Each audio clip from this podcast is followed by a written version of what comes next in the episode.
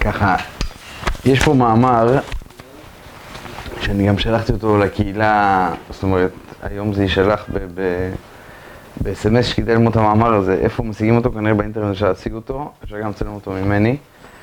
אה, ואפשר גם לקרוא את הספר. זה ספר המאמרים, כמו כל הספרי מאמרים שיש, אז קוראים לזה ספר המאמרים עטרת. אה, יש פה מאמר על פרשת חיי שרה, לכן אנחנו לומדים אותו עכשיו. זה מאמר שצריך ככה שבועיים שלוש ללמוד אותו בנחת, אפשר ללמוד אותו בנחת, אבל אני, זה של הרש"ב. הרש"ב הוא האדמו"ר החמישי של חב"ד, אבא של הרייץ, וכן, אבא של הרייץ שהוא היה חמים של הרבה. אה, זה מאמר מאוד מאוד יסודי, אם אני אגדיר אותו, על מה הוא מדבר, הוא מדבר על שמחה מול עצבות וענווה מול, יש, מול ביטול, מול אה, ישות, אבל כרגיל ברש"ב יש הרבה הקדמות, הרבה דוגמאות, ובמאמר הזה יש בו משהו מאוד מאוד מיוחד שיש לו הרבה הגדרות, אפילו בלי להסביר, אבל הוא מגדיר לך, מיני, הוא זורק לך משפטים שעוד פעם, אחרי זה הוא גם טיפה מסביר את זה, אבל קודם כל זה ככה.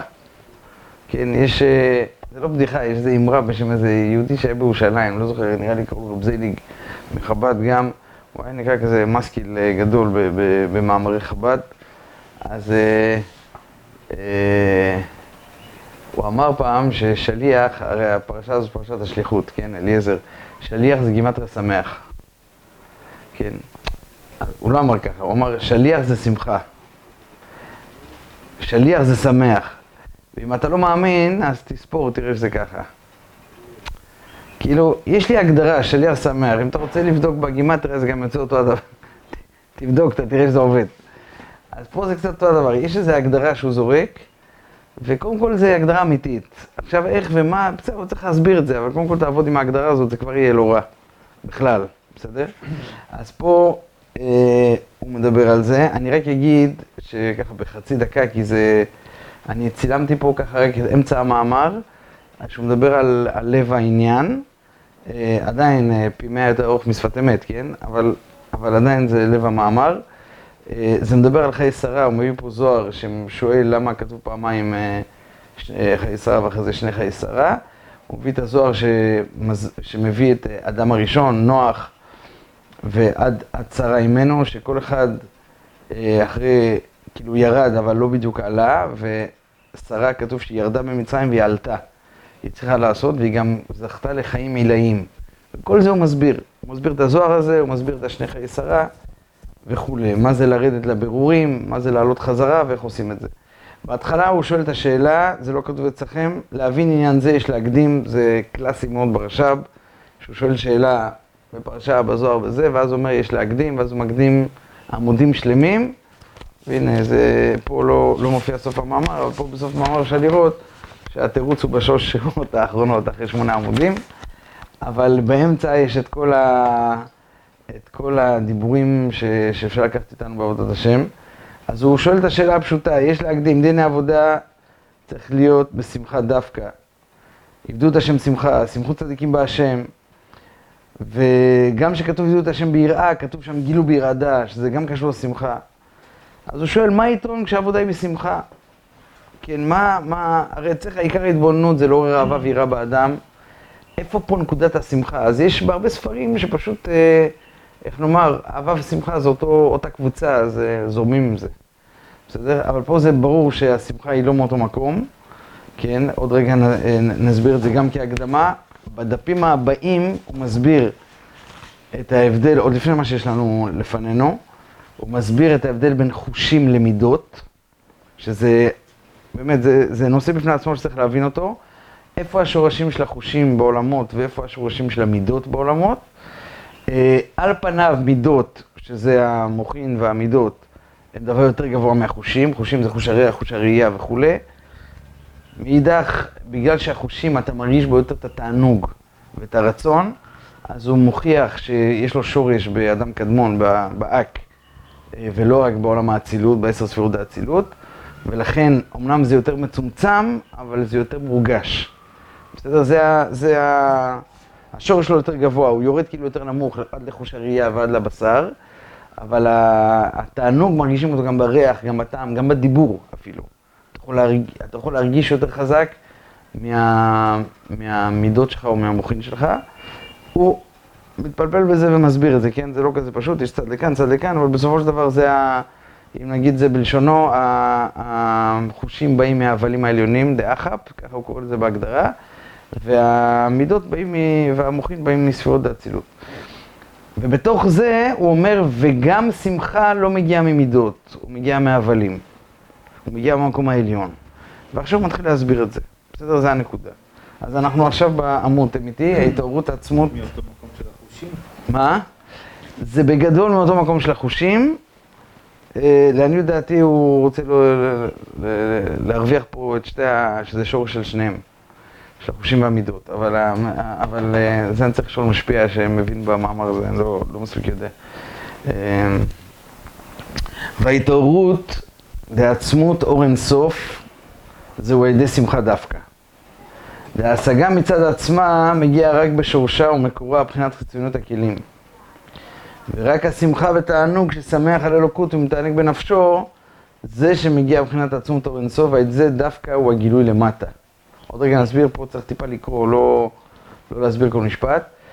אה, נסביר כל משפט בעזרת השם, אבל קודם כל לקרוא את הרקע. וכידוע שהאריזל זכה לרוח הקודש על ידי שמחה של מצווה.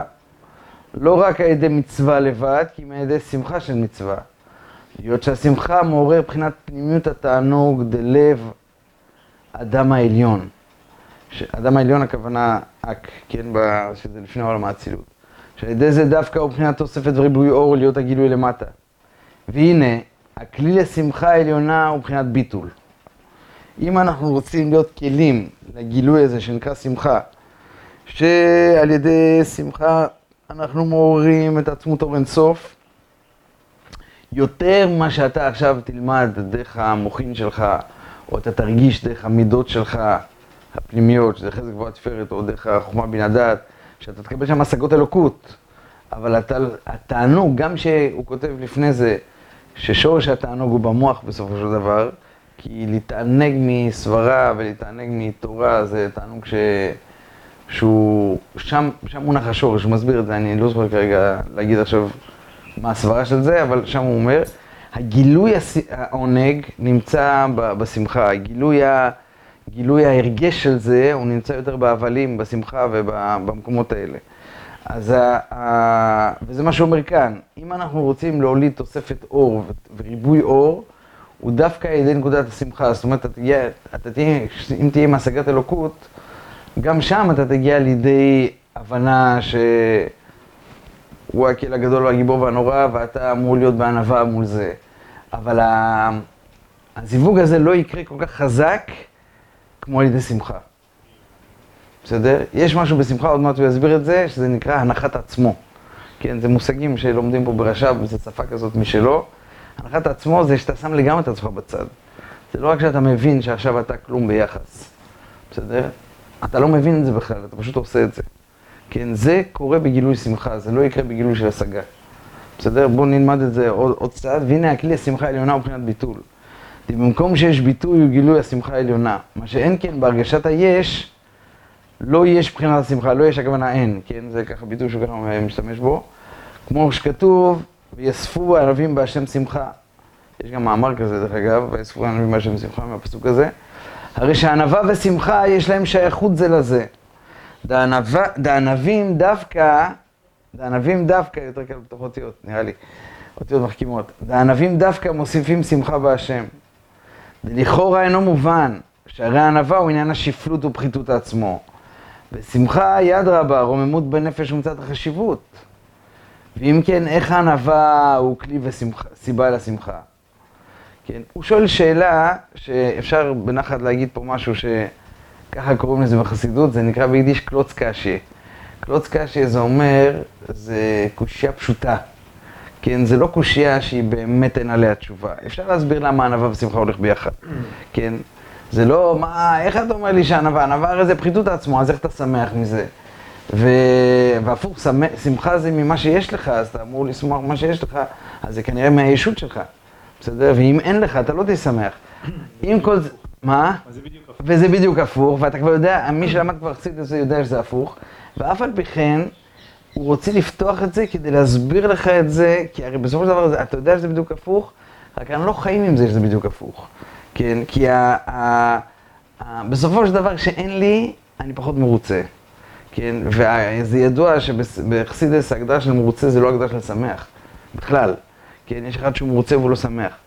אבל בסופו של דבר אנחנו מערבבים בין המושגים, ואז אנחנו אומרים, רגע, ענווה זה אומר שאני משחרר, משחרר, משחרר, כל הזמן משחרר שאני כלום ואני כלום, אני כלום, שזה גם לא הגדרה אמיתית של ענווה, אבל לא משנה, אני נכנס לפינה הזאת, ואז באמת, אה, אם אין לי כלום, אז מה אני שווה?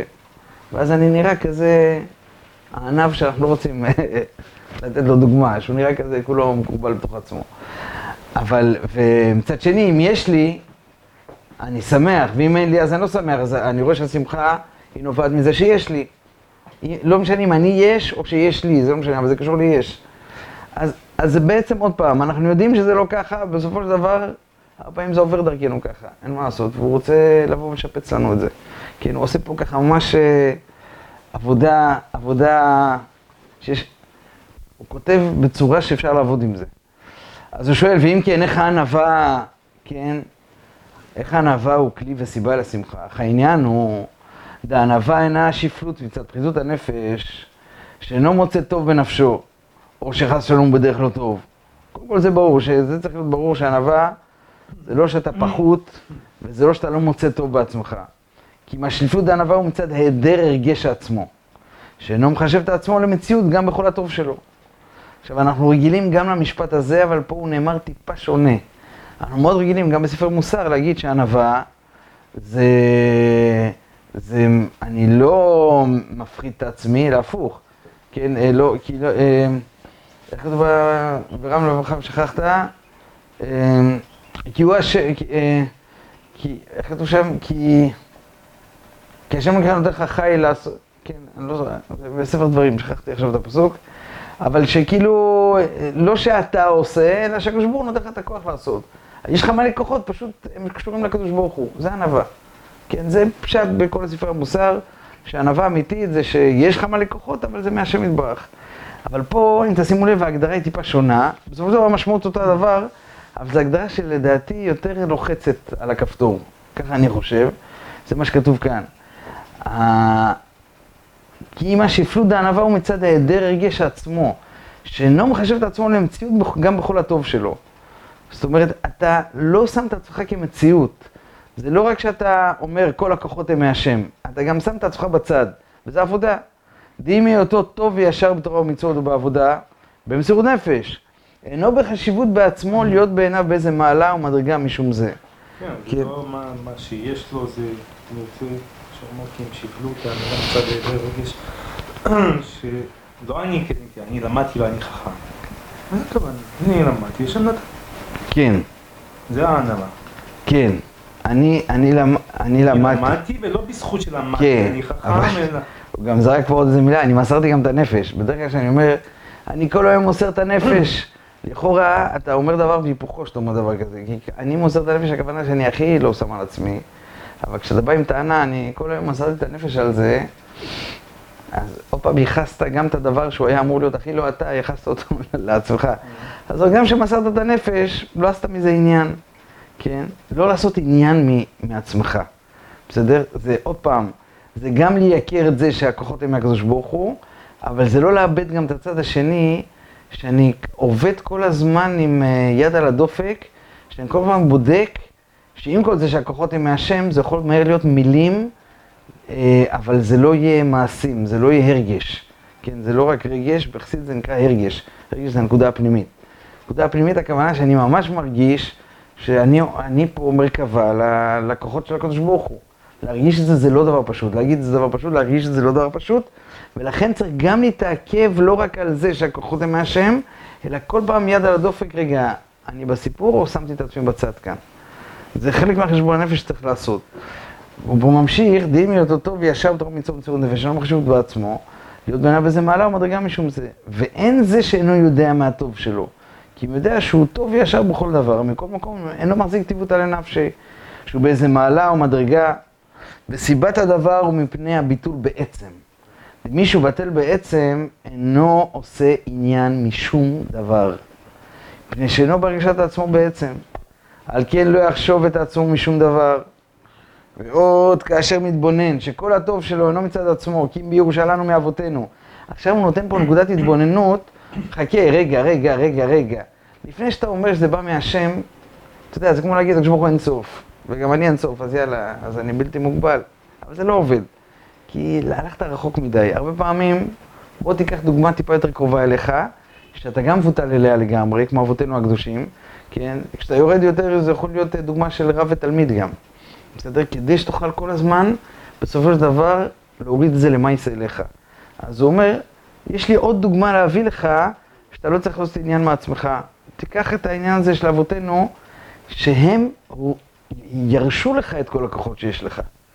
ירושה לנו מאבותינו. האמונה שיש לך, המסירות נפש שיש לך, המידות שיש לך. הכל זה ירושה מאבותינו עוד לפני, עוד לפני שאתה הולך על הגדול, שקיבלת את הכוחות מהשם יתברך, שזה ודאי האמת. זה גם הכי פשוט. אבל האמת והכי פשוט לא תמיד מסתנכרן לך על התודעה היומיומית. אז הוא עכשיו מביא דוגמה שהיא תעזור לך עוד טיפה להכניס את זה יותר פנימה אליך, וזה הירושה לנו מאבותינו. דמישהו, אה, איפה זה כתוב? כן, מצד קיים בירושה לנו מאבותינו, וכמו שמשהו מאמין בהשם ודרגו באלוקות בדבקות אהבה רבה, הרי האמונה שלו אינו משום ההכרה שמכיר אלוקות, רק שהוא לא בירושה מאברהם אבינו עליו השלום, שהיה המאמין הראשון, והיה ראש לכל המאמינים שאצלו היה אמונה מבחינת הכרה שהכיר את בוראו. הוא מביא פה עוד איזה מיני עקיצה, זה לא עקיצה, אבל עוד, שלא תחשוב ש, לאפוקי, כמו שאומרים. זאת אומרת, אתה יכולת להגיד, בסדר, כל הכוחות מהשם יתברך, אבל אני זה שמאמין בהשם יתברך, נכון? ואז אני אגיד שזה זה שאני מאמין בו, כל הכוחות מהשם יתברך. אבל אתה הרי מאמין בהשם יתברך, אז עוד פעם אתה עם עצמך. לא, האמונה הזאת היא גם ירושה מאבותינו. אתה לא קיבלת את זה מעצמך, אז יש לך כוח להאמין, כן, כמו שכתוב על אברהם אבינו, שהוא אמר את זה על עצמו, ויאמן בהשם ויחשביה לו לצדקה, כן, ככה מסבירים. שהוא האמין בהשם, וגם את זה הוא חשב שזה צדקה. שזה לא, הוא לא חשב שזה, שזה מעצמו. כן. מדובר על אברהם? גם אברהם עצמו, לא, זה דובר על ההחשבה לצדקה, זה... והאמן בהשם, כן, כן. ככה מסבירים, ככה בחסידות שלו הם מסבירים, כן, שבהחשבה לא לצדקה, שהוא החשיב את זה לצדקה בזה. שהוא, כן, כן, בזה שהוא, זה גם, זה גם צדקה מהשם יתברך שאני מאמין, בסדר? ואז אתה גם אתה פותר את הפלונטר הראשון, כאילו, שה... זאת אומרת, זה יש פה שתי דברים. אבותינו הורישו לנו את האמונה, אז זה לא בא מכוח עצמך, וגם האב הראשון, הוא לא הוריש לך את האמונה והוא באמת האמין מעצמו. הוא גם היה במנגנון שזה לא מעצמו. כן, הוא לא יוריש לך משהו שהוא בעצמו לא עבד איתו. כן. אז זה מה שכותב, הרי האמונה שלו אינו משום ההכרה שמכיר באלוקות, שמכיר אלוקות רק שהוא בירושה מאברהם אבינו, שהיה המאמין הראשון והיה ראש לכל המאמינים, שאצלו היה אמונה מבחינת הכרה, שהכיר את בוראו והיה אמונה גם כן מבחינת הכרה, והוא עניין ראה אמונה, נדלג, והוריש את האמונה על בניו אחריו, וכמו כן הדבקות באלוקות, והיא אהבה מוסתרת שיש בכל אחד ואחד, הרי זה בירושה לנו מאבותינו, כמו שכתוב בספר של בינונים. וכמו בן היורש מאביו עושר גדול ורכוש רב, הרי אין זה שבא לו ביגיעתו, זה לא כי אתה עבדת על זה, כי אם שנותן לו מסתפק מן המוכן שהורישו אביו. ומכל מקום אין הירושה מתיישבת כי אם אצל בן, לא אצל אחר, משום דברק הרי דאבוה, ואחסנת דאבוה ירית. כן, אתה יורש את, ה, את הבית של האבא, את ה, אתה יורש אחסנתי, כן, לא יודע מה זה אחסנתי, אבל אתה יורש את, את ה, אולי את, ה, את הממון של האבא, וברק הרי דאבוה, שאתה הברך של האבא, הברך של האבא הכוונה שאתה ממשיך של האבא. ולכן אתה יורש, והיינו שהוא עניין עצמי אצל הבן. אבל זה שהוא בא לו, אבל זה שהוא בא לו מהאב. זאת אומרת, הוא לא רוצה, אה, איך אומרים, זה לא פה עבודת השפלה ברגע, להגיד לך, תגיב, תקשיב, אתה סמרטוט, כן. אתה, גם מה שאתה מאמין זה, מהש... זה מאבותיך, זה לא אתה, תירגע, כן, וגם הדבקות בהשם זה מאבותיך, זה לא אתה. הוא רוצה להגיד, אם כל זה מאבותיך, אבל יש גם את הצד השני, שהאב מוריש את כל זה רק לבן. אז זאת אומרת, אתה צריך מבסוט שאתה הבן שם, אתה מקבל את כל הירושה. כן, תהיה שמח מזה. אל תרגיש שוואי, טוב, עד שכבר היה לי דבקות, אז גם אומרים לי שזה מאבא שלי. בסדר, זה מאבא שלך, אבל הוא באמת בחר את הבן הזה, ואתה ממשיך, כן. אה, וכמו כן האמונה והדבקות בעבר הבא הוא שבא בירושה, והיא דווקא בנשמות ישראל ברק הרי דאבוה, והם בהם עצמי ממש. אבל אין זה בכוח עצמו כי מירושה מאבות. ומשום זה הוא הענווה שאינו מחשב עצמו בזה מאחר שאין זה מכוח עצמו. אתה אפילו, כן, אם אתה היית פה עוד טיפה מתבונן על זה, אתה בכלל לא עושה מזה עסק. כי באמת, כאילו, קיבלתי ירושה מאבא שלי, זה, הגנים באים מאבא שלי. ולכן אני עובד ככה, אני לא, כן, אני אספר את זה, אוקיי, מקווה שזה לא יגיע אליו. פה, יש פה יהודי שמגיע פעם בשבוע, קוראים לו שאול יורוביץ', יהודי מאוד מיוחד, מאוד מאוד מיוחד, שכדאי לשמוע אותו. הוא בעיקר מלמד כתבי אריזל. הוא פה חברותא עם מישהו, כי הוא מגיע מירושלים. אבא שלו גם היה צדיק מאוד מאוד גדול. ורב שאול אמר לי שהוא, אה, לא יודע, כזה נודע לי גם מאנשים זה שהוא רואה דברים, ויש לו גם שיטות בזה, איך, איך לראות דברים. יהודי כזה מיסודו ממאה שערים כזה, כן? הם כזה מאוד אה, יורביץ', מהבד"ץ, אבא שלו היה דיין בבד"ץ, העדה החרדית. אה, והוא כזה עבר את התהליכים שלו, אבל הוא יהודי מאוד, מאוד עמוק. ו... אז באתי אליו, ואנחנו כזה, דיבור בגובה העיניים וזה, ואז אני פתאום נודע לי שהוא גם כזה, יש לו... אמרתי לו, לא, אל תתחיל שאתה כזה, וזה, מה, אתה, זה, אתה מאלה כאילו? לא בקטע שהתפעלתי מזה, בקטע של פחדתי שהוא, חלילה הוא מוכר משהו שזה לא הוא, כאילו, כאילו, אתה לומד טוב וזה, איך זה. אז הוא אומר לי, אתה סתם מתפעל מזה, אני גדלתי אצל אבא שהוא כזה, אני לא ראיתי בזה אף פעם משהו זר. זה, אצלי זה כאילו, זה, זה שפה פשוטה, כאילו, זה לא, אתה עושה מזה כאילו, זה וואה. אצלי זה שפה פשוטה, זה, אין לי איזה התחדשות בזה. זה, זה הכוונה לירושה, כאילו ירושה זה לא אומר שאתה לא משתמש בכוחות האלה, אבל זה פשוט ירושה, אתה לא עושה מזה עניין, בסדר? אז זה, הוא מביא פה עוד דוגמה על משה, ובזה נסיים נראה לי, כי זה כבר עשר וארבע. וזה שכתוב, האיש משה ענב מאוד מכל אדם, הגם שידע את הטוב שלו, שהוא גבוה במעלה מכל אדם, מכל מקום היה ענב מכל אדם, והוא מפני שזהו מה שניתן לו מלמעלה, ותראו אותו כי טוב הוא. ואילו היה, ואילו היו אלו הכוחות אצל אחר, היה גם כן במדרגה זו. הוא קיבל את זה מלמעלה, ואם זה, ככה משה חשב, שאם זה, זה היה אצל יהודי אחר, הוא גם היה מקבל, הוא היה מקבל, ואומר יותר מזה, הרש"ב אומר בלי להתבלבל, ואפשר היה עוד מגלה את הכוחות יותר ממה שאני גיליתי, אומר משה רבנו. יכול להיות שמישהו אחר היה מגלם עם המתנה שהוא קיבל, היה עושה עם זה יותר דברים, כן? וענווה זו היא כלי וסיבה לשמחה. בהרגשת עצמו אין השמחה שלמה, ואדרבה הוא סיבה לעצבות, וכידוע שהנחש בטבעו הוא תמיד בעצבות. ונחש הקדמוני הוא עניין הרגשת עצמו, הרי הוא בעצב תמיד. כן, לכן, ברגע שנגעו בו, אז זה בעצב תליבנים. בעצב תאכלנה, בעצב, ישר נדבקת בו, נדבקת בעצב. ומה הנקודה? למה זה מוליד עצב? כי, כי הנחש רצה להנחיל לך את התודעה שקיבלנו אותה אחר כך, זה התודעת עצמו, הרגש עצמו. הגם דלכאורה מצד הרגשת עצמו, הרי הטוב שלו, הוא מורגש אצלו ביותר, והיה צריך להיות בשמחה ביותר. מכל מקום אין השמחה שלמה בטעמים, זה נמשיך ביום שני. יש שתי טעמים למה הרגשת עצמו מביא לידי עצבות.